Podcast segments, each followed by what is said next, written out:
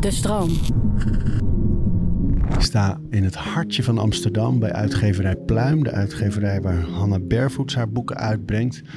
En als je Hannes vrienden vraagt, vaak ook schrijvers, naar haar karakter, dan komen ze altijd met woorden als discipline, routine, heel erg alles plannen, productief. Het zijn allemaal termen die natuurlijk in mijn hoofd echt eh, allerlei bellen doen rinkelen. Dus uh, gedroomde gast voor deze podcast. Dus je voelt je met je sletje of zo. Je hebt alles gegeven, je hebt je bloot gegeven. Want dat, ja, dat leek een goed idee. Dat leek je liefde en erkenning te schenken. Wat is een mens zonder houvast in zijn manier van leven? En ieder heeft een handvat en eigen rituelen. Orde in je hoofd zodat alles te overzien is. We praten over routines. Voor gezonde mensen is deze zieke persoon een inspiratie. Dan denk ik, hoe werkt dat dan? Denk jij dan, oh, ik heb het moeilijk, maar weet je wie het echt moeilijk heeft? Die persoon met die ziekte. We praten over routines. Hanna, als ik het internet op ga met quotes van vrienden of gewoon een beetje om jou heen vraag, dan komt altijd weer die term discipline, dat je zo gedisciplineerd werkt en leeft. Ja. Vind je dat leuk? Um, nou, ik vind het niet, niet leuk. Weet je, er kunnen ook andere dingen uitkomen. Er komen ook andere dingen uit in Google. Maar dus dan is dit niet het uh, vervelendst. Maar ik, ik associeer discipline altijd met ergens overheen moeten stappen. Dingen moeten laten, moeite doen. En het kost mij geen moeite om een bepaalde routine uh, aan te houden. Dus die term voelt niet helemaal op zijn plek. Het is niet dat ik elke dag wakker word en denk: Oh mijn god, ik wil de trein nemen naar Duitsland. Ja, ah, dat kan niet. Ik moet discipline opbrengen om te werken. Dat is gewoon niet wat er aan de hand is. Dus ik denk dat andere mensen dan denken: Oh, dat moet wel heel zwaar zijn om elke dag op te gaan staan en te gaan schrijven. Wat ik dan meestal doe. Maar dat is het niet. Dus ik, ik vind, ja, ik vind het bijna te veel eer eigenlijk. Ja, maar discipline kleeft dat ook wel een beetje aan, hè? Dat bijna militaire ja. structuur, moeten, pijn ook een beetje. Ja, ja lijden, ja, laten. Ja. En ik vind het gewoon heel erg prettig om ja, dingen een beetje elke dag hetzelfde te doen. Tenminste, dat is ook weer niet helemaal waar. Ik vind het fijn om in een stramien te zitten, laat ik het zo zeggen. Ik vind het fijn om kaders te hebben voor een dag. En het is natuurlijk, ik ben schrijver en daarmee ook ZZP'er. Ik werk thuis. Dan heb je dat ook nodig. Tenminste, ik, ik heb dat heel erg nodig. Um, dus voor mij is het alleen maar heel erg. Het helpt gewoon heel erg bij mijn werk en bij ja, mijn levenslust. Terwijl discipline klinkt het toch als. Ja, ik moet mijn levenslust onderdrukken of zo. Maar die, die, die golft er juist uit daardoor. Nou, dat is leuk, van hoe dat dan werkt. Maar laten we gewoon beginnen met je dag. Ja, hè? Dus ja. hoe vroeg sta je op? Tussen 9 en 10. Dat is nieuw, moet ik er wel bij zeggen. Ik, echt jarenlang stond ik op uh, tussen 10 en 11, soms na 11. Maar uh, het huizenblok achter mijn uh, huis wordt vrij intens verbouwd. Anderhalf jaar lang is dat. Dus toen heb ik echt heel actief uh, mijn best gedaan om ja, die biologische klok, die routine echt een beetje te veranderen. Dus ik ging altijd half twee naar bed. Mijn lijf vroeg daar gewoon om. Om half twee was het gewoon, nou ja, nu ben ik klaar om te slapen. En daarvoor ook gewoon echt niet. Maar dan sta je dus, weet je, dan sta je ook half elf op, elf uur. Dus ik ben dat heel actief, was best moeilijk. Um, ja, gaan veranderen naar proberen om twaalf uur te slapen. Probeer om, ja, negen uur daarvoor dan, je hoort wel een beetje, ik, ik ga dan niet, dus niet om twaalf uur slapen, maar op te staan. En dat doe ik nu. Dus zo kom ik nu tussen 9 en 10, ben ik super trots op. En je zei het is moeilijk hè, om dat aan te passen, want waar liep je tegenaan? Ja, gewoon ja, ja, e eerder in je avond moet je toch al beginnen met het naar bed gaan of zo. En dat ja, was ik toch niet gewend. Mijn lijf was dat niet echt gewend. Ik doe best nog wel veel dingen s'avonds, maar dan gewoon ter, ter ontspanning. Ja, en ook ja, helemaal, ik, ik moest bijna eerder gaan eten, zeg maar, om dan ook over drie uur eerder naar bed te gaan. Ik weet niet. Het, ja. Maar hoe heb je het dan uiteindelijk gedaan, dat het nu wel lukt? Ja, toch gewoon uh, niet om elf uur. Ik douche dan s'avonds en dan ging ik meestal om elf uur douchen en nog een serie kijken en nog kranten lezen. En dan gewoon zeggen, oké, okay, het is nu half tien, nu ga ik douchen. Nu ga ik het avond, mijn, mijn, vriendin noemt het dan je avondritueel. Ga ik, dat ga ik nu inzetten. Dus gewoon eerder, ja, eerder ermee beginnen en dan, dan lukt het wel. De avond komen we natuurlijk ja, nog. Ja, even terug. Maar die Even ochtend? Ochtend. Ehm, nou, dan sta ik op. Dan ga ik koffie zetten. Of eerst zeg ik even goedemorgen tegen de cavia's. Oh ja. Dan zeg ik hallo. Ja, dat hoor En dan doe ik het gordijn Ellen Dekwits past er wel eens op, toch? Ja, ja, Ellen, Ellen heeft er vijf. Dus dan, Ellen heeft vijf cavia's. Dichter Ellen Dekwits, ook een goede vriendin van mij. Eh, wij hebben er twee en we passen ook wel eens op die van haar. Dus dat is heel fijn. Doe ik het gordijn open en zeg ik, nou, hallo jongens. En dan zit ze, wordt ze ook een beetje wakker. Eh, ga ik koffie zetten, dan ben ik in mijn hoofd eigenlijk al bezig met, eh, als het een schrijfdag is. Dat zijn het op dit moment wel, ik ben bezig met een boek. Met wat ga ik vandaag schrijven? En ik ben natuurlijk de dag daarvoor dan ergens gestopt. Ik weet altijd al welke scène er dan komt. En die ga ik in mijn hoofd formuleren terwijl ik eh, cornflakes eh, aan het pakken ben of zo. En dan eh, maak ik een grote kom met allemaal granen, cornflakes, muesli, alles een beetje door elkaar. En kwark en dingen. En terwijl ik dat eet, ik vind het dus heel fijn om te kauwen terwijl ik, terwijl ik denk. Eh, terwijl ik dat eet, ja, dan formuleer ik zinnen in mijn hoofd. Ga ik die ook opschrijven met een pen. Dus ik werk eigenlijk eerst altijd met pen en papier. En dan schrijf ik op, ehm, ja, eigenlijk oude A4'tjes. Dus ik heb ook een printer. Dan eh, print ik wel eens werk om terug te lezen. En dan gebruik ik die later weer om op de achterkant te schrijven. Want dan schijnen zo nog die eh, letters er doorheen. Dus dan heb je een soort van regels. Of lijntjes, of hoe noem je dat? En dan begin ik eigenlijk te schrijven. En dan meestal zo vier tot zes A4'tjes vol. Dat is dan ook... Bij, aan de ontbijttafel nog naast Ja. die cornflakes en, en Nou, dan op een gegeven moment is die op. Dus dan ga ik daarna gewoon eh, ga ik daarna verder. Eh, en dan begin ik dat uit te typen. Boven heb ik mijn werkkamer, pc, grote stoel. Ehm, ja, dan begin ik te typen. En die, die ochtend duurt meestal twee of drie uur. Wel met heel veel pauzes. Ik, ik ga altijd, eh, ik heb altijd wel een wekkertje dat ik niet te lang zit. Dus dan ook voor mijn ogen en voor mijn lijf. En dan ga ik even staan na 40 minuten of zo. Maar dan denk je gewoon verder. En dan ga ik even. Die cavia's die helpen ook weer bij routine. Want die moeten water en hooi. En dan ga ik dat even allemaal eh, doen. En dan ben je er niet uit. Dus eh, ondertussen Nee, gaat dat denkproces in je hoofd Ja, gaat voortdurend Dat probeer verder. ik. Dat probeer ik. Ik bedoel, soms is er post. Je, dan heeft de brievenbus geklepperd. En dan denk je toch, nou, zou het iets moois zijn? Dat is het dan nooit. En is het gewoon een brief van de postcode loterij. Maar dat kan dan wel een beetje afleiden. Eh, maar probeer er niet uit. Het doel is wel een beetje erin te blijven. Een beetje naar buiten kijken. Een beetje focussen op dingen in de verte.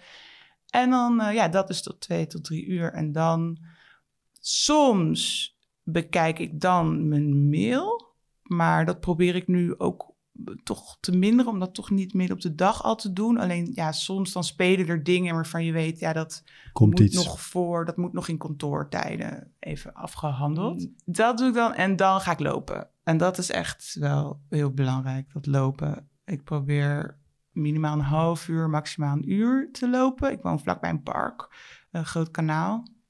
Dus dat is super fijn. Dan kom ik eh, twintig honden tegen. Dat vind ik ook altijd leuk. Eh, en dan ehm, ga ik lunchen.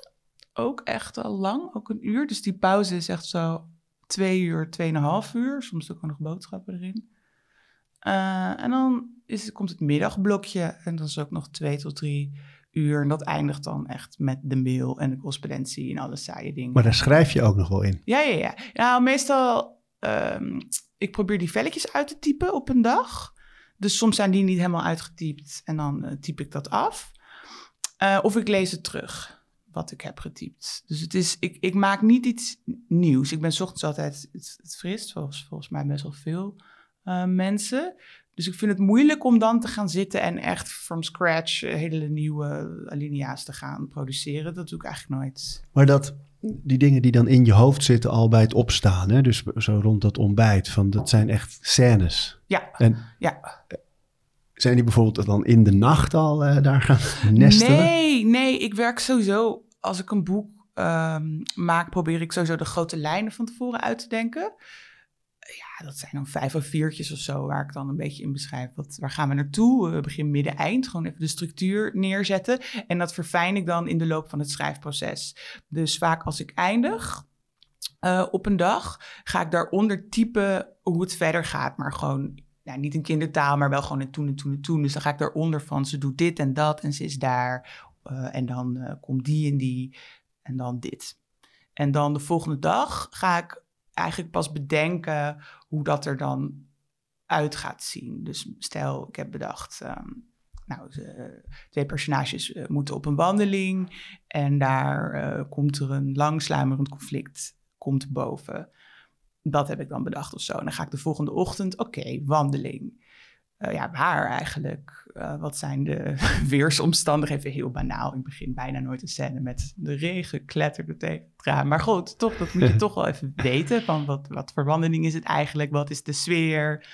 Eh, hoe komen we bij dat conflict? Soms ontdek je het in dat denkproces van... oh, dat is eigenlijk helemaal niet logisch als ze nu daar boos om worden. En dan ja, moet je iets nieuws gaan verzinnen. En er zijn ook scènes die ik al heel lang in mijn hoofd heb. Omdat ik toen ik bedacht dat dat ging gebeuren... heb ik dat misschien een maand eerder bedacht of zo... echt al voelde van, oh ja, dat wil ik daar. Dat, daar, dat is dan daar de setting. Eh, en, en soms moet ik het helemaal nog verzinnen... hoe het er, hoe het, hoe het er echt uitziet.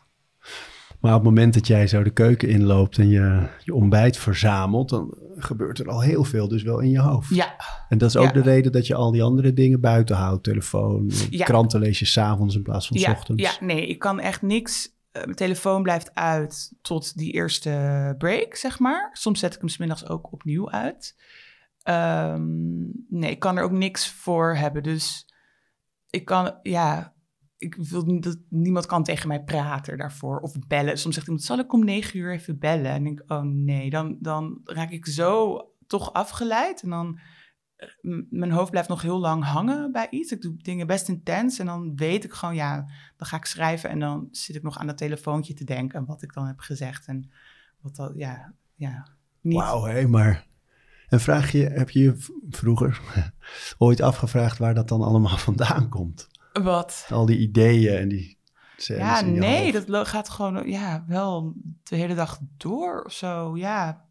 Ja, Maar is dat alleen als je er dus op die manier eh, veilig omheen bouwt? Dus telefoon weghouden, Ja. geen afspraak in die Oh ja. ochtend. Het moet kunnen stromen. Want als je dat niet doet, dan, dan is het er ook niet. Nou, dan moet ik er harder voor werken. Dan moet ik gewoon. Kijk, wat ik net zei van na die grote pauze vind ik het heel moeilijk om dan dus te gaan zitten en nieuwe alinea's te maken. Ik, ik, eh, tijdens het lunchen lees ik heel veel kranten. Dus dan ben ik wel heel talig in mijn hoofd. Dus dan is het heel fijn om iets na te gaan lezen. Want dan zit er als een soort taalkadans in je hoofd en dan ga ik iets nalezen. En dat werkt dan heel goed. Maar ik heb dan ook gewoon allemaal weer verhalen gelezen en tot me genomen. En dan weer terug te gaan naar mijn verhaal dan. En die concentratie en focus op te brengen. En waar kwam dat ook weer vandaan? Dan ging dat ook weer heen. Dat vind ik, ja, dat vind ik moeilijk. Dat gaat echt beter met een, met een, met een schone lei. En de kranten, welke zijn dat allemaal? Ik, heb, ja, ik ben echt de enige van in mijn vrienden, dus van mijn leeftijd, blijkbaar die dus twee krantenabonnementen heeft. Ik heb de Volkskrant en het NRC. En dan ga ik eh, bij de smiddags het veekatern lezen van de Volkskrant en soms nog wel even het nieuws. Maar niet zoveel. Het nieuws vind ik minder interessant. Er zijn al een paar grote verhalen die ik dan wel bijhoud, maar ik, ik kies dan, nou heel bewust is het niet. Maar bijvoorbeeld met de brexit dacht ik, weet je, ik laat de brexit zitten. Ik hoor het wel. Ik hoor de uitslag wel. Dan ga ik daar niet alles... Ik ben niet zo'n nieuwsjager, nieuwsconsument die overal op wil zitten. Ik ben meer geïnteresseerd in lange achtergrondreportages. Eh, ja, ja, media. Nou ja, dat vind ik allemaal net iets, iets interessanter. En dan ehm, s s'avonds NRC.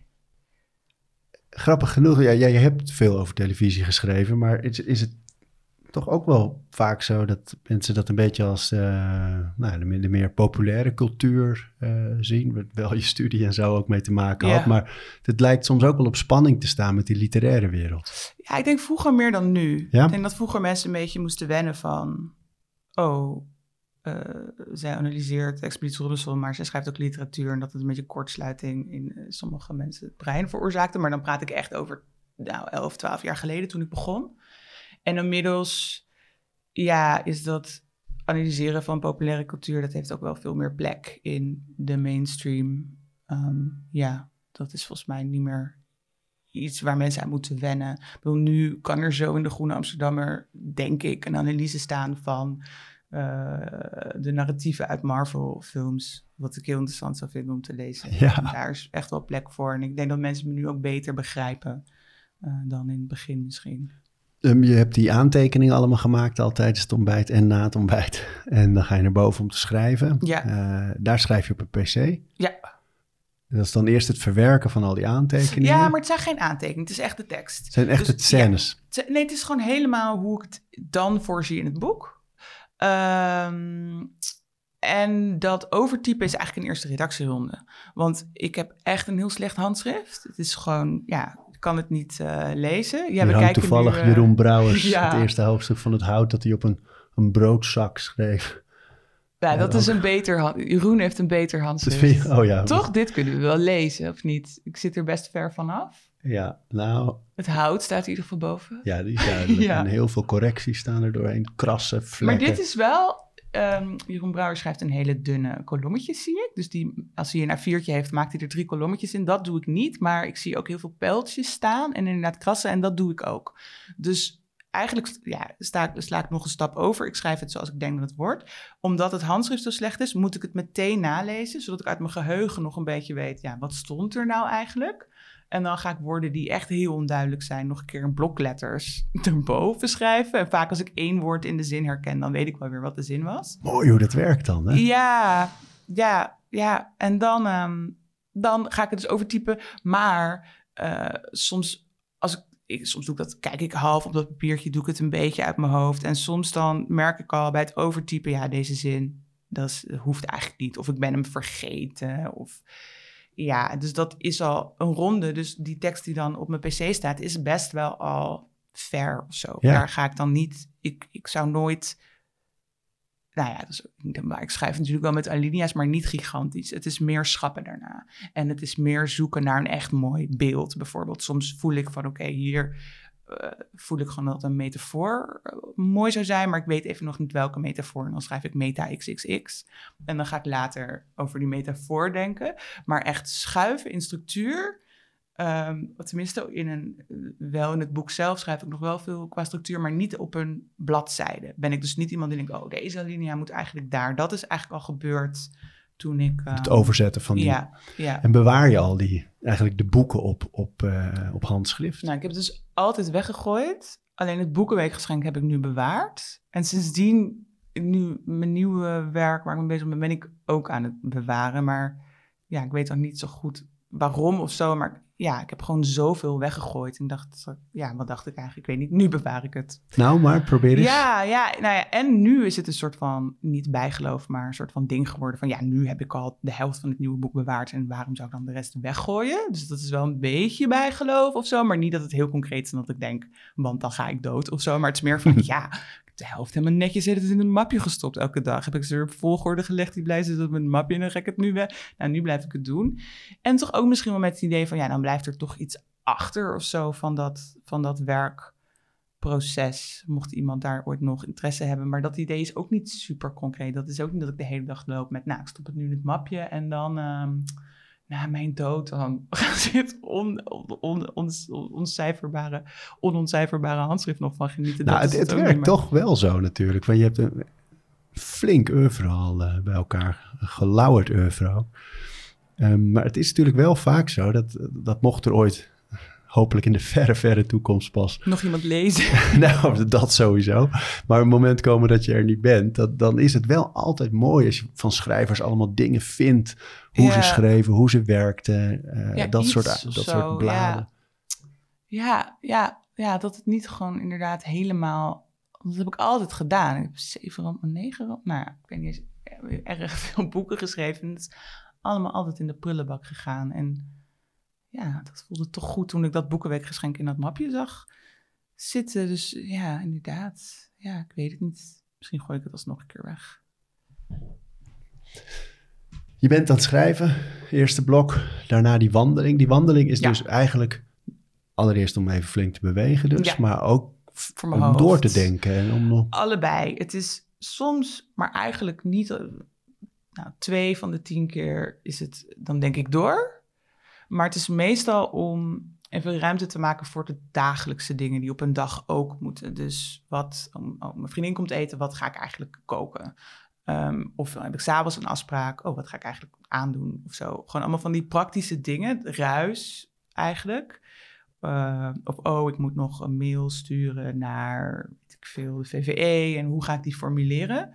Dat komt allemaal eigenlijk in dat uur. Dus dat is eigenlijk een beetje malen. Nou, niet eens malen. Nou, ook wel eens, ook wel eens malen. Gewoon van, oh, er is een probleem of ik zit ergens mee en dan ga ik daarover denken of zo. Maar het lukt jou dus om dat soort uh, gemaal buiten je schrijven te houden in, in dat eerste blok. Dat, dat kan jij dus. Je kan dat dus ja, blokkeren. Ja. ik zit heel erg inderdaad... Ik bewaar iets voor een ander moment op de dag. Probeer ik, Heb hè? je dat moeten leren? Nee, ja, ik heb dat eigenlijk altijd zo gedaan. Ik ben iemand die heel erg houdt van plannen, dingen. Dingen plannen. En dat vragen mensen wel eens over. Wanneer heb je dat al geleerd? Dat ZZP'er en zo. En dat, maar op school deed ik dat. Gewoon, oké, over zes weken is er proefwerkweek. We beginnen vandaag. En dan elke dag een hoofdstuk, zodat je niet op het eind alles zo in één keer moet doen. Dus dat indelen van mijn dag, dat heb ik eigenlijk, dat doe ik zelfs sinds tiener. Misschien wel basisschool. Um, ja, en ik vind dat dan, omdat ik weet ik ga er dan over denken. En ook met die mails waar ik het eerder over had, die ik dan pin. Ik weet, oké, dat komt vanavond. Dan kan ik dat ook loslaten. Dat, ik ga er vanavond over denken. En vanmiddag ga ik denken over wat ik ga koken. En niet ochtends al, want dan moet ik in die hyperfocus uh, zitten. Mooi hè? Ik, ja, ik, vind, ik, het, ik vind het heel mooi. Ik ben aan het smullen van zo'n uh. zo'n dagindeling en die structuur. Maar dat je dat zo jong al hebt, is wel ongebruikelijk natuurlijk. Dat je, weet je, leeftijdgenoten uh, zullen wachten tot de allerlaatste avond om te leren. Ja, sommige, ja. Nee, ja, ik niet. Ik ging nog gewoon elke dag dat rijtje doen. En dan kende ik het supergoed. En met schrijven is dat ook natuurlijk fantastisch. Want hoeveel schrijvers in spe lopen er wel niet rond met een idee voor een boek dat er maar nooit komt? Ja, weet ik. Ja, I don't know, weet ik niet. Ja. Maar kijk, het is ook gewoon een baan. Hè? Dus ik kan ook niet rondlopen met een boekidee. Want dan loop ik gewoon zomaar rondwerk, dan loop ik werkloos rond. Dat is dan aan de hand. Ja, zo is het ook. Dus ja, dat kan eigenlijk niet. Um, je gaf al aan dat je, je begint laat op de dag pas aan uh, mailtjes en uh, berichten. Je hebt geen WhatsApp. Nee. Hoe gebruik je de telefoon? Echt alleen voor bellen? Um, ik heb twee telefoons. Vandaag heb ik bij me. het voelt alsof ik een soort oh, wow. presenteer. Ja, je zegt wauw, want het is een Alcatel 2013. Ja. Um, en dat is, ja, het heeft wel een soort van, het heeft wel een touchscreen. Hij is heel klein. Het is een soort lucifer. Hij is amper je handpalm. Ja, vind ik heel lekker. Zonder vingers. Ja, lekker licht. Uh, en daar doe ik bellen en sms'en. Uh, dat doe ik daarmee. En ik heb ook een smartphone, maar die is nu thuis. En vaak zet ik die s'avonds aan. En die heb ik voor uh, foto's. Ik vind foto's nemen heel erg leuk. Uh, Instagram, om die foto's op te zetten. Het is gewoon fijn om een smartphone te hebben. En ook uh, podcast luister ik op die smartphone. Dus, maar ik zie, het als een stuk, ik zie het als een stuk speelgoed. Dus vaak gaat het echt pas aan. Dan ga ik koken en dan gaat, die, gaat de eerste podcast aan. Uh, dan ben ik vrij en dan ga ik spelen. Zo hé. En je bent nooit, heb je nooit het gevoel dat je mensen of dingen mist daarop? Ja, nee. Ik zit dus veel op Instagram, waarvan ik niet wil zeggen dat dat een goed ding is. Maar uh, ik heb dus geen WhatsApp, maar ik chat wel via Instagram. Dus als er wil chatten, het voordeel van chatten ten opzichte van sms is natuurlijk lekker een fotootje sturen, een gifje sturen. Ik, ik hou gewoon heel erg van gifjes sturen. Ja. Uh, dus dat gebeurt dan via de Instagram chat. Dus dat gebeurt wel, maar uh, ik zit niet in hele grote groepen met heel veel mensen die hele dag dingen willen.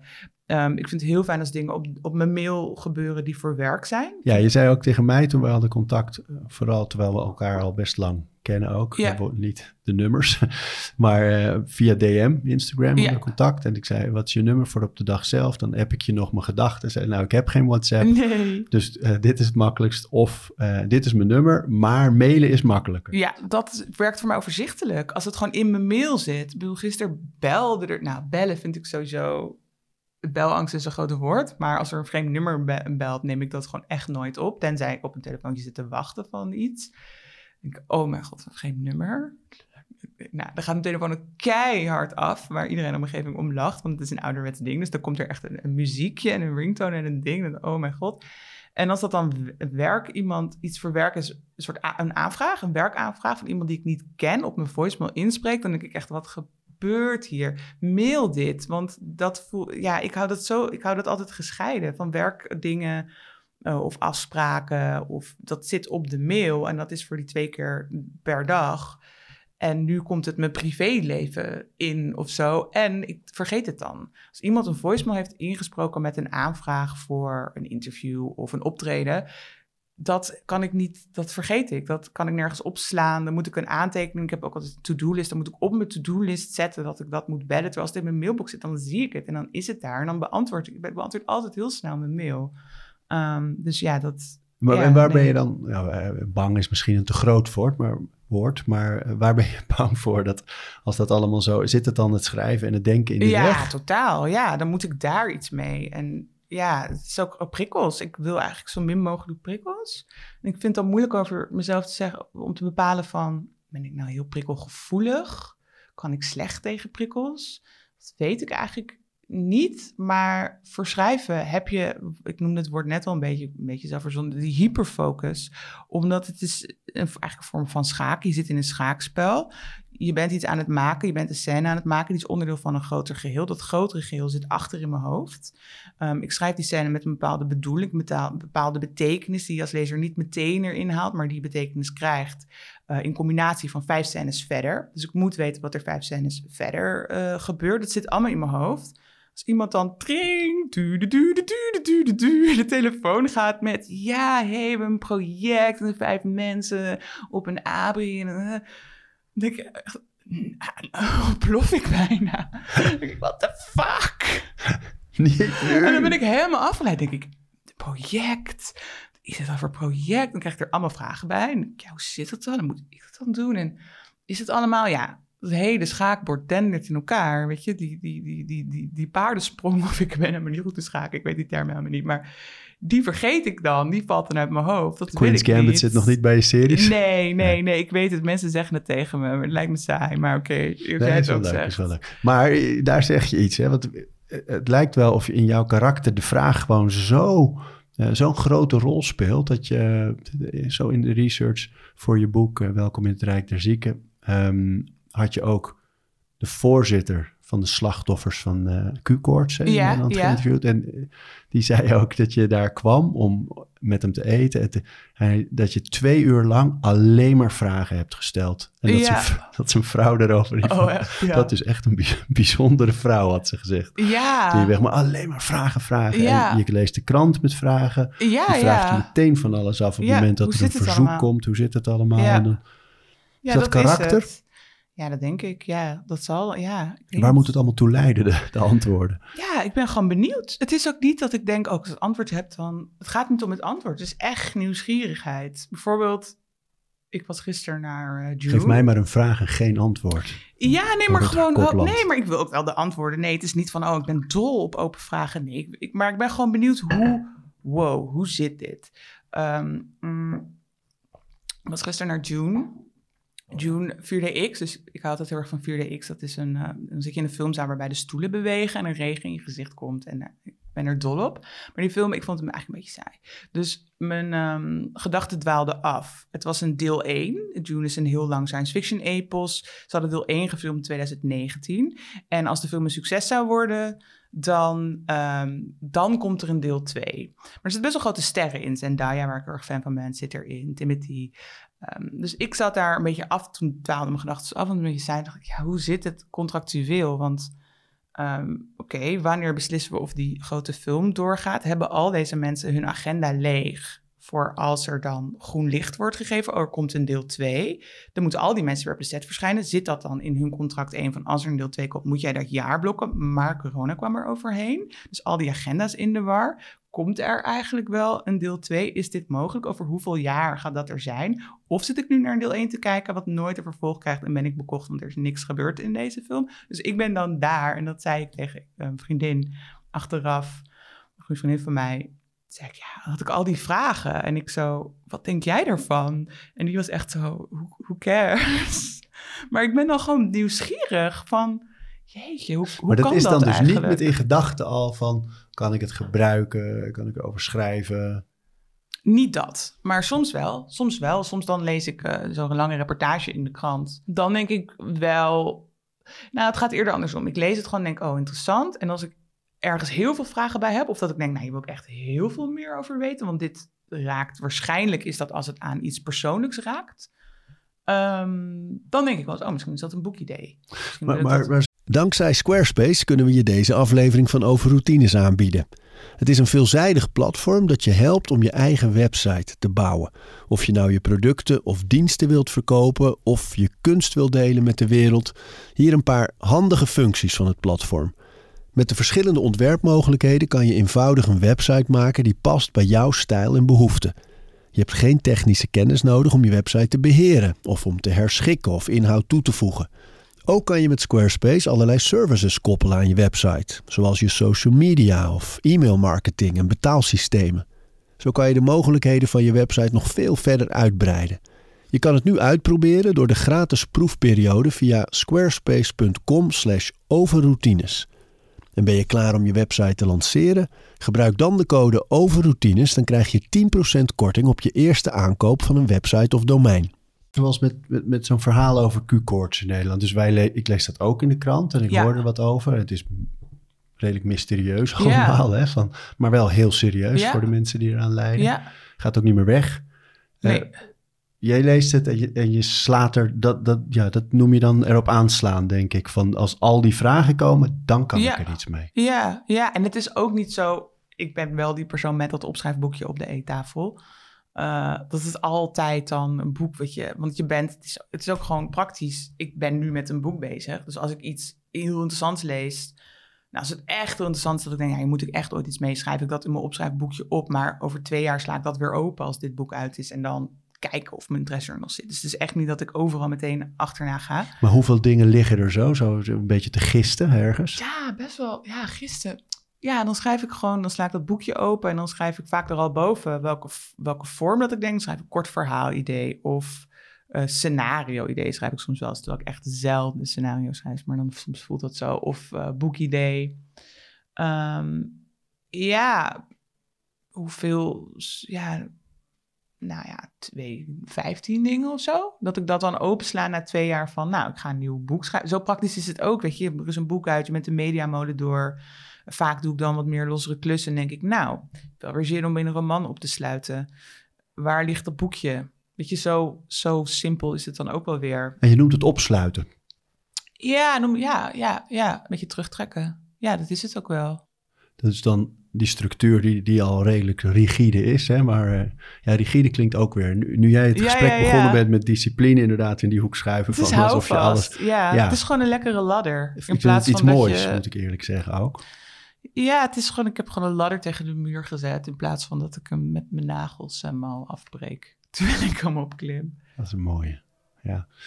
Ehm, schrijven, wandelen, schrijven, tenminste schaven. eh, ja, maar ik moet er wel bij zeggen, dit is dus op een... Als ik aan een roman bezig ben, wat denk ik 70% van mijn leven zo is. En dan in die andere 30% dan ben ik inderdaad eh, promotie aan het doen. Korte klussen aan het doen. Hoewel ik probeer ik dan wel die structuur trouwens in te houden. Maar Ja. dan is het niet schrijven, dan is het mails beantwoorden. En daar helemaal. Maar heb jij bijvoorbeeld op je, op, je, op je telefoon dan ook staan van... joh, mail maar, spreek niet in. Ik raak in de war. Nee, nee. Ik heb, maar ik schrik sowieso. Mensen bellen me eigenlijk niet. Ik, ik, ja, dus dat, ik, Omdat ze het volgens mij weten. is mijn voicemail gewoon... hey, dit is Hanna. Maar ik heb het wel... Volgens mij op mijn Instagram en mijn Facebook en zo... gewoon die plekken als, je gaan, als mensen je googlen en je gaan zoeken... staat gewoon allemaal wel het mailadres van mijn uitgever. Dus daar komt het dan eh, vaak, ja. Ja, en ik heb geen WhatsApp, dus dat is wel echt... Oké, ik, ik ga nu hele domme dingen zeggen, want ik weet niet helemaal zeker hoe WhatsApp werkt. Maar is het nou zo dat iemand dus gewoon op je naam jou iets kan sturen? Of dan, of dan heeft hij je Nee. nummer uit een groep of Nee, zo? ze moeten wel echt je nummer hebben. Ja, alleen eh, je kan dus wel gewoon... Ja, je hebt nu net is er een nieuwe app ontwikkeld.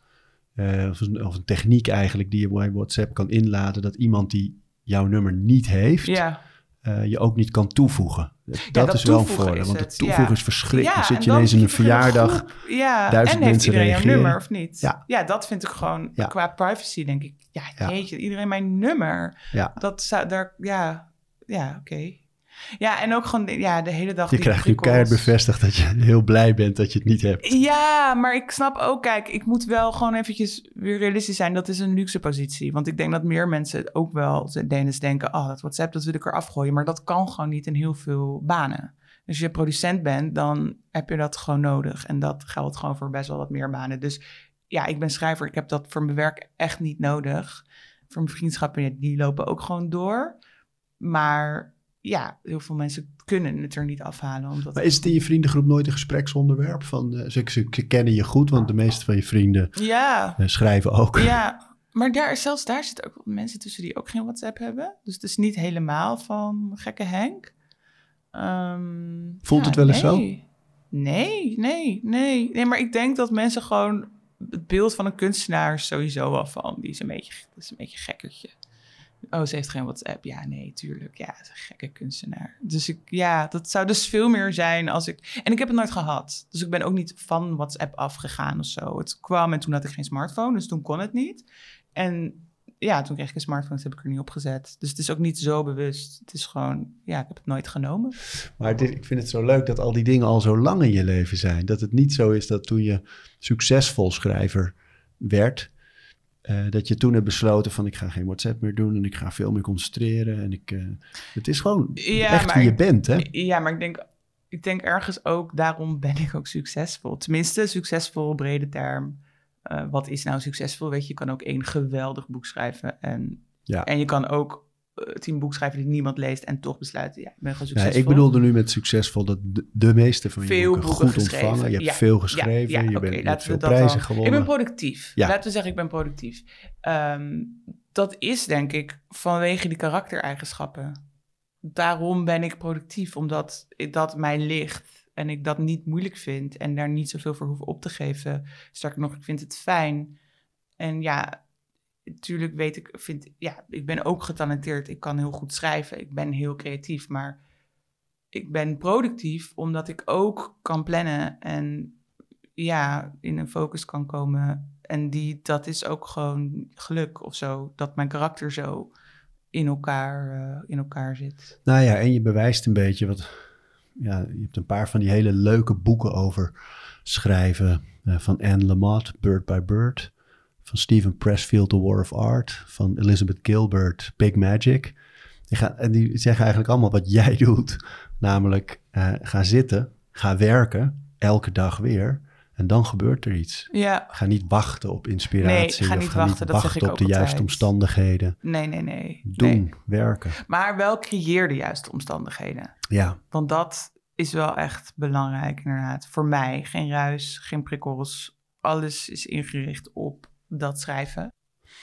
Um, in voorbereiding op ons gesprek hadden we wat contact. En toen zei ik, vind je het ook goed, uh, ook om vanuit je werk, hè, over uh, je ziekte te praten? Toen zei je nou, ja, ik Ja. wil het zeker uh, benoemen, want uh, die, die zichtbaar, die aandacht voor die ziekte is, is belangrijk. Maar het moet niet een frame worden. Ja, klopt. En, en toen dacht ik ineens aan iemand waarvan ik heel vaak aan moet denken als ik jou eh, zie en je werk zie. Susan Sontag natuurlijk, die altijd ja, heel mooi over ziekte kon schrijven zonder dat het heel persoonlijk werd. En zelfs liever geen metaforen gebruiken bij ziekte. En, eh, ehm, eh, waarom is dat voor jou belangrijk om dat, dat persoonlijke zo te gescheiden te houden? ja, nou ja, ja. Ik heb een, een eh, genetische afwijking, aandoening, zeg ik zelf vaker dan ziekte. Want ziekte denk ik toch aan iets dat je dan van buitenaf getroffen heeft. Maar bij mij is er dus een genetisch defect, waardoor mijn bindweefsel heel slap is. Ehm, het syndroom van Ehlers-Danlos heet dat. En eh, bindweefsel zit overal in je lichaam. Je denken, in je huid zit bindweefsel, maar bijvoorbeeld ook om je organen en om je gewrichten heen. En daar wordt het een probleem. De banden om mijn gewrichten zijn heel slap.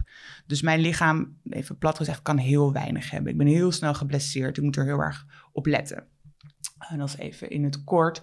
En jouw vraag is, ja, wat, waar zit die, die twijfel of zo om daar openlijk over te praten? En ik heb er eerder openlijk over gepraat in de context van een roman die ook over chronisch ziek zijn Ja. ging. Over een andere aandoening weliswaar, maar die zeker voortkwam uit mijn idee en fascinatie erover.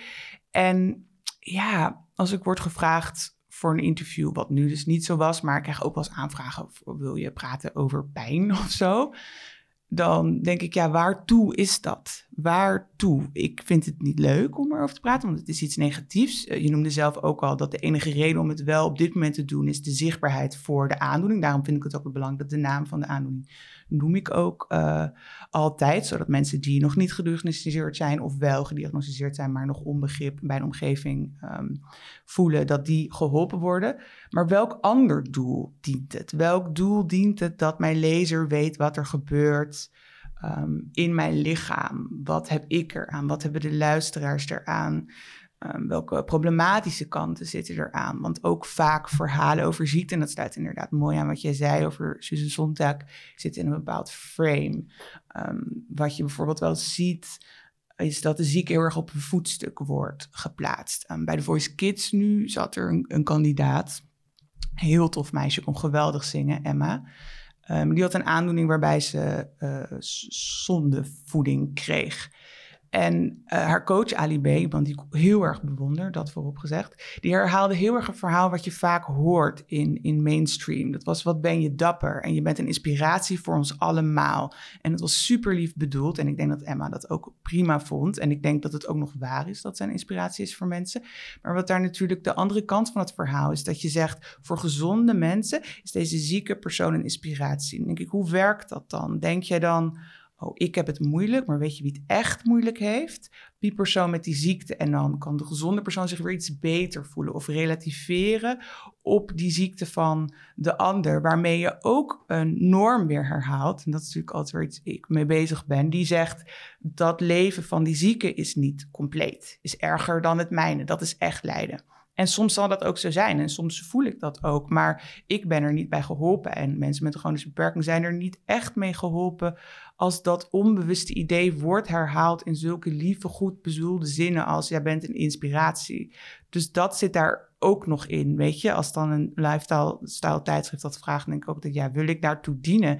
En daarnaast, ik ben een maker en is dat dan mijn functie nu op aard om daar een advocate is van het Amerikaanse nou, Dat lijkt me sowieso het moeilijke, denk ik, als, als kunstenaar, als schrijver, dat die zucht naar het persoonlijke in interviews op de radio, op televisie, in, in uh, printinterviews, uh, bijna leidend lijkt.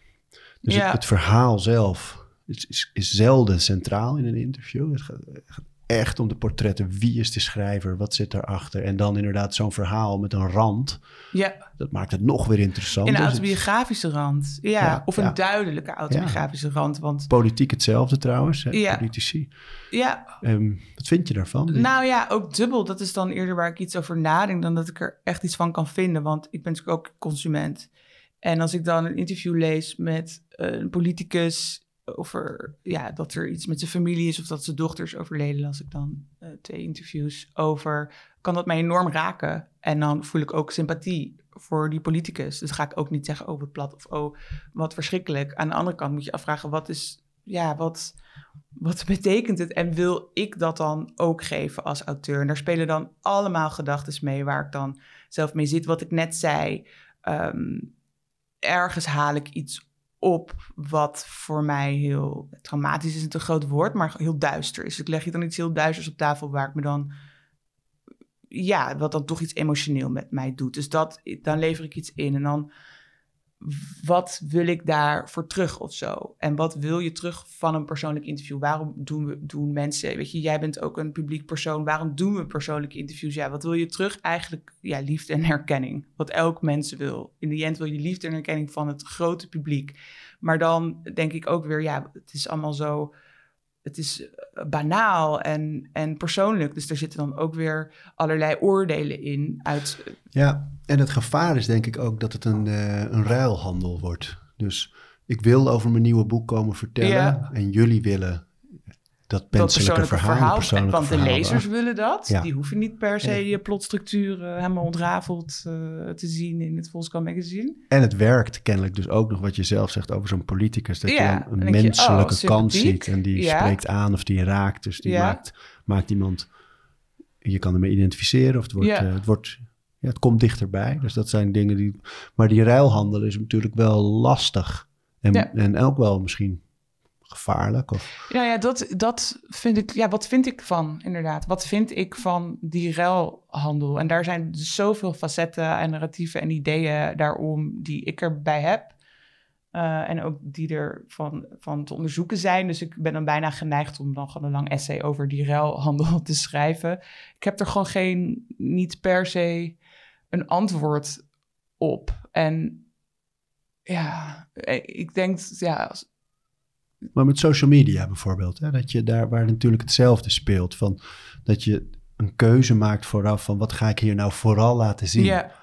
En um, ik merk dat een hele grote behoefte is aan een soort compleet plaatje. Dus dat mensen verontwaardigd kunnen raken als je niet kwetsbaar opstelt. Of als je alleen maar iets goeds laat zien, bijvoorbeeld. Van ja, dat is niet echt. Of uh, het wordt echt op het moment dat je lijden deelt. En dat je menselijkheid noemen ze dat dan. Ja, maar in bepaalde kringen dus ook weer. Ik, ik geef niet genoeg. Ik ben niet groot genoeg op social media om daar om te geven. Dus ik heb een beetje dat losgelaten van wat ik daar post. Doe ik echt gewoon wat ik zelf tof vind. Ja, ik, ben, ik heb gewoon niet goed genoeg volgers om daar om te geven. Uh, ik kan me voorstellen als je 20.000 hebt en daar ook echt uh, een industrie omheen hebt gebouwd, dat dat meer speelt. Maar in media optredens is dat soms wel een worsteling. Ja, dat ik denk hoeveel. Wat is nou relevant voor de lezer? Wat, wat, wat voelt voor mezelf fijn? En je denkt ook nog eens. Het is ook weer niet zo simpel als zeggen. Als je persoonlijke dingen vertelt, zal iedereen van je houden. Want ook dat is ook niet altijd zo. Het kan ook backfire. weet je? je kan ook krijgen. Uh, oh, daar komt zij weer met haar dit. Of daar heb je hem weer met dat verhaal over zijn overleden zoon. Dat kan net zo goed. En dat is een soort van inschatting die je dan gaat maken voor een fictief publiek. Die kan je niet maken, want dat publiek is verdeeld. Um, ja, het is niet homogeen. Dus, en ik denk, je kan, je can't please them all. Dat, dat, dat is gewoon echt een feit. Dus je kan niet, wat je ook doet, niet iedereen zal het tof vinden. Ja, en ik denk dat je ook nog eens, zo werkt het in van die kunstkringetjes, dat je ook altijd kijkt naar je nabije uh, kring of zo. Wat, is, wat zijn de regels in mijn omgeving? Wat is bon ton in de kringen waarin ik verkeer? Niet dat ik er de hele dag diep over na denken ben, maar um, ik heb toch altijd het gevoel, de mensen die je nabij staat, zijn het belangrijkst in hun oordeel. En dat kunnen ook je vakgenoten zijn of, of, of, of je, ehm, ja, je, je wereldje. We zitten allemaal in een wereldje, weet je. Uh, Gijs op het advocatenkantoor is meer bezig met... oh, wat vinden de andere advocaten op mijn kantoor en daarbuiten... dan wat vindt Hanna Bervoets, lezer van de Volkskrant uh, van dit interviewtje. Dus dat zijn allemaal conflicterende gebruiken en normen en ideeën... waar je dan in moet bewegen als semi-publiek persoon. Ik zeg semi omdat ik ook niet de allerbekendste schrijver van Nederland ben en ook nog eens een schrijver. Dus ik moet het allemaal wel even relativeren. Maar dat is niet iets wat ik makkelijk vind. En ik hoor ook echt van. Ik denk niet dat het schrijvers eigen is, maar ik spreek nou eenmaal graag met schrijvers naar zo'n mediaperiode. Iedereen is down. Ik weet niet of het voor jou geldt, maar gewoon na vijf interviews. Iedereen heeft een hekel aan zichzelf. Wil geen interview meer doen. Het is elke keer. Ja, zit een soort zelfhaat, wordt, wordt, wordt getriggerd. Is dat, denk ik? Ik denk ook om toch het idee van... Uh, ja, ik denk verschillende dingen. Van, je, hebt alles, je voelt je met je sletje of zo. Je hebt alles gegeven, je hebt je bloot gegeven. Want dat ja, dat leek een goed idee. Dat leek je liefde en erkenning te schenken. En om dat product, dat boek of wat het product ook maar is, tuurlijk, bij mensen om dat, te krijgen. Om de aandacht te krijgen, ja. Dat is altijd inderdaad de ruilhandel, als je het zo uh, wil noemen.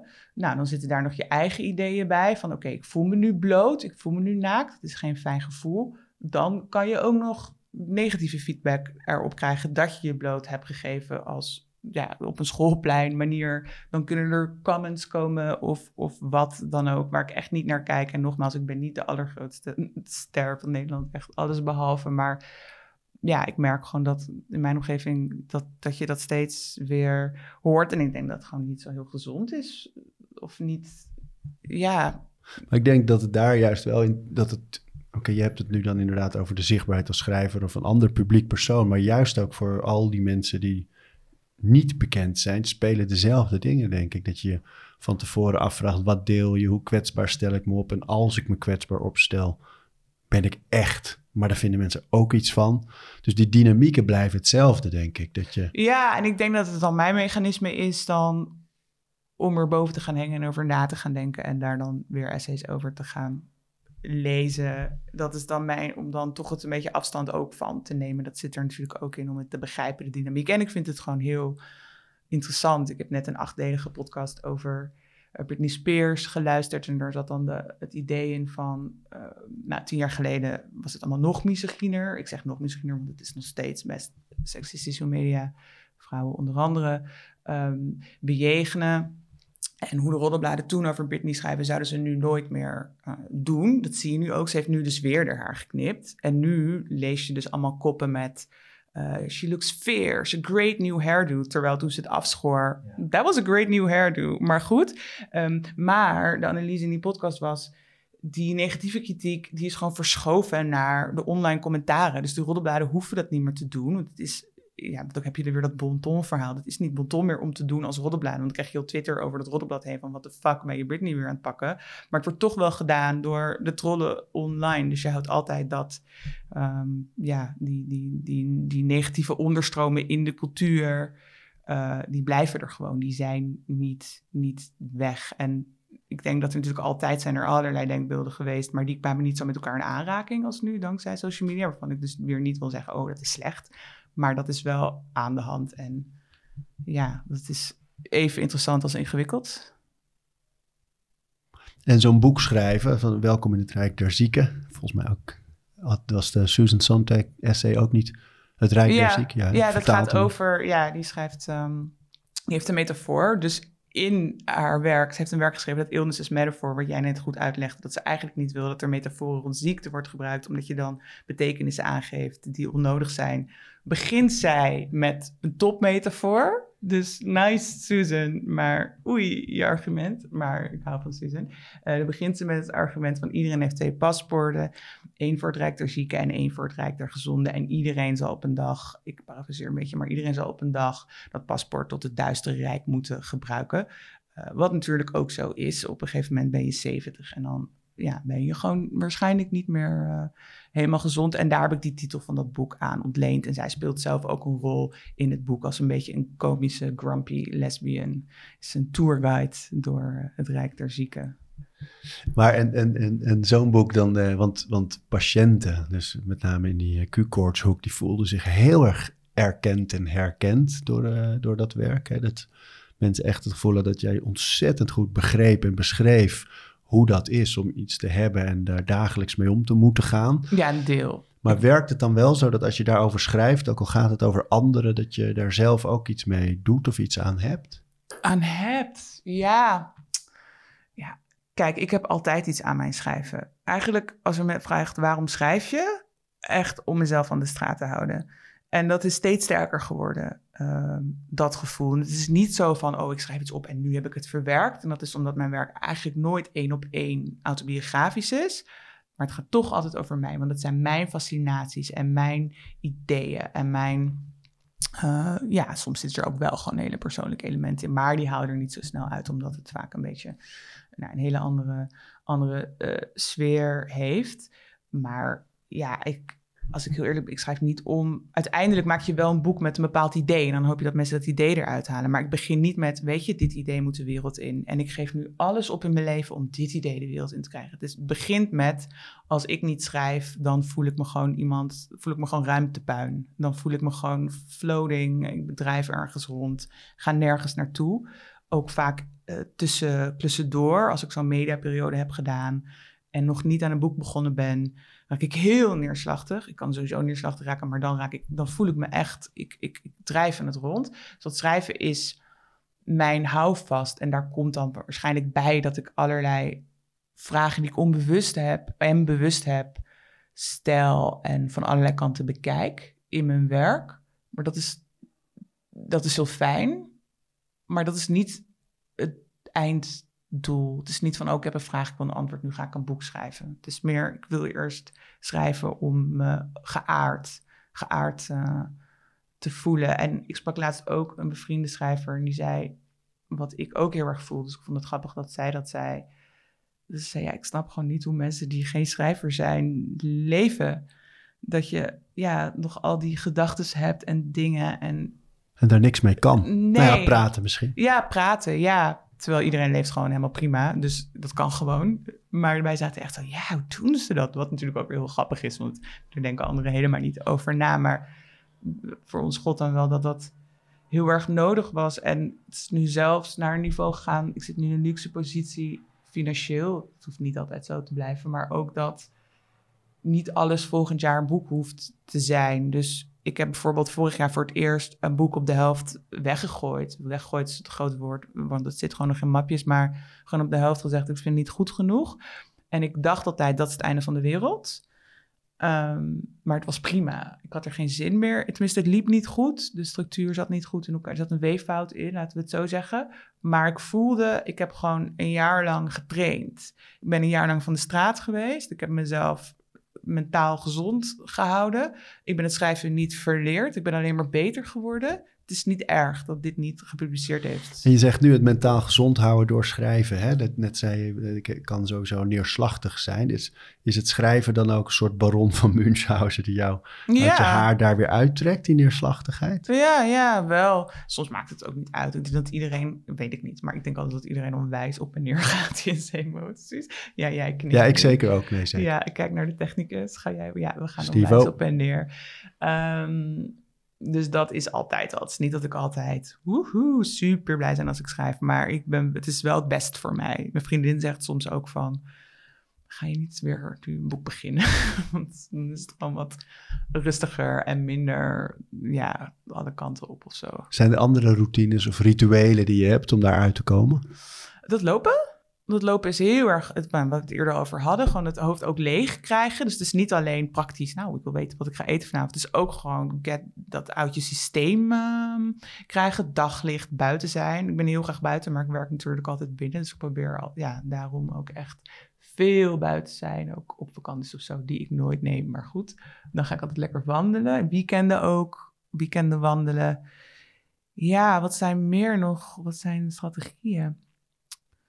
Ja, toch ook maar gewoon wachten tot het voorbij gaat of zo. Ja, ja, ja ik, ga, ik doe niet dat ik dan iets, iets anders ga doen of zo. Het kan wel zijn, wat wat minder voorkomt nu dan vroeger, maar voordat ik een relatie had, kon ik ook gewoon acht dagen niemand zien. En dan dacht ik, ah, lekker. Geen ruis, eh, kan ik lekker schrijven. Maar nu weet ik wel, acht dagen is gewoon een beetje veel. Dan moet je wel even iemand zien en dan moet je gewoon even met een vriend afspreken. Dat is goed en heel erg leuk. En in de avond, je gaat, nou nu, nu iets vroeger, maar ging altijd ook echt laat slapen. Ja. Doe jij, moet je iets doen om te kunnen slapen? Nee, ik slaap wel heel goed, maar ik denk ook omdat ik gewoon elke avond een beetje hetzelfde verloop als ik thuis ben. Hè? Jongens, ik heb ook een leven. Soms ga ik uit eten. uh, maar als ik alleen thuis ben, dan um, ga ik dus eten. Soms heb ik nog wat mailtjes die echt te saai waren, waar ik gewoon echt even... Ik doe mijn mails aan het eind van de dag, maar soms ben je dan ook een beetje moe en hangerig en hongerig. En dan kan je even niet opbrengen om uh, deze fout in je belastingformulier te herstellen of zo. Dus dan gaat dat nog gebeuren. Um, ja, gewoon computerdingetjes of iets boeken of kaartjes ergens verkopen. Computerdingetjes. En dan uh, ga ik soms nog even lezen vriendin bellen. Ik bel eigenlijk elke dag wel als ik haar niet uh, zie.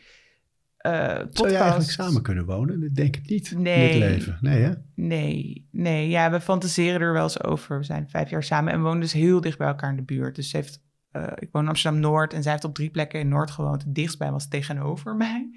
En nu woont ze dan vijf minuten fietsen. En dat vond zij al van, oh mijn god, vijf minuten. Afstand. Ze woont aan de andere kant van het park nu. Ik woon aan de ene kant en zij woont aan de andere kant. Maar dat is niet zo ver. Uh, maar we fantaseren wel eens over, nou, als we samen gaan wonen, dat komt ook vanuit haar. Ik bedoel, zij hoeft ook niet uh, eh, 24 uur met mij op haar lip. Um, dan willen we gewoon echt een heel groot. Dan willen we jouw huis. Dan willen we gewoon een vrijstaande, verbouwde boerderij. Buiten zaten heel erg van dieren. Ik ook wel. Maar zij wil gewoon echt geiten. Dus met een geit. Maar dan dat we allebei een eigen werkkamer hebben. Misschien zelfs een eigen slaapkamer. Haar ritme is anders. Ze gaat eerder naar bed en staat vroeger op. Dus zij wordt s'avonds gewoon. Zij ligt dan helemaal uitgelicht. Ze zo al sinds half twaalf in bed. En dan kom ik om half één. Hallo! En dan zegt ze, nee, nee. En s ochtends dan is ook haar werk. Dus nou ja, weet je, zelfs misschien de twee slaapkamers niet voor elke nacht, maar gewoon, weet je, als er dingen gedaan moeten worden. Uh, da- dat zouden dan wel de voorwaarden moeten zijn. Of twee huizen naast elkaar, weet je wel, dat je misschien een deur ertussen of zo wel dichtbij, maar niet altijd in dezelfde kamer. Maar je hebt geen rituelen samen. Het lezen en je hoeft, je hoeft jezelf niet, je hoeft dat hoofd niet stil te zetten. Nee, dat is niet die- ervoor. Nee, dat loopt gewoon. Ik ga gewoon, ja, ik ga het lezen en dan komt douchen, eh, serie. Ik kijk altijd een serie als ik alleen thuis ben.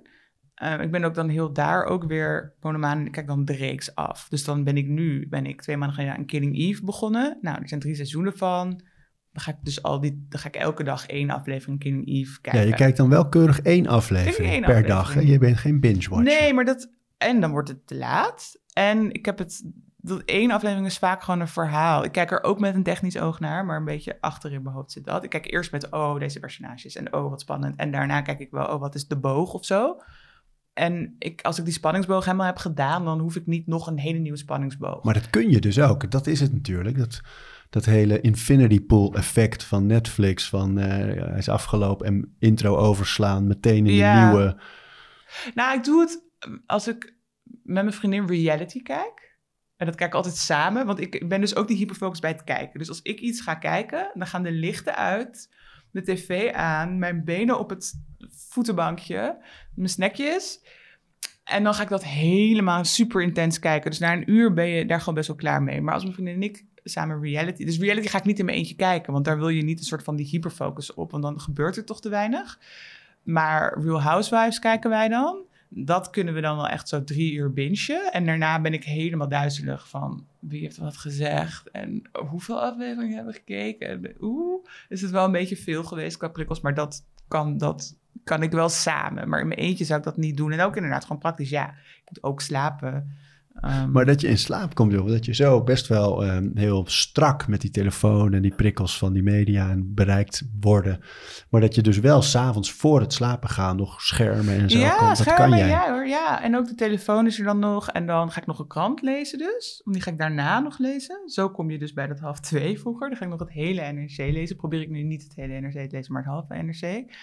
En nu, ik ben nu ook, ik ga nu een beetje te ver met podcast. Want die zet ik nu echt aan bij het tandenpoetsen en zo. Maar dat, dat is denk ik niet helemaal goed. Maar mijn lichaam is denk ik zo ingesteld op, als we al die dingen hebben gedaan, dan gaan we slapen. Denkt mijn lijf dan, of mijn hoofd. Of, dat, ja, is een aandachtsritueel gewoon voor de liggen slaap, en dan, toch? Ja, ik weet, ik ga liggen en ik denk gewoon, oh my god, ik ben echt heel erg moedig. Ja. We praten over routines.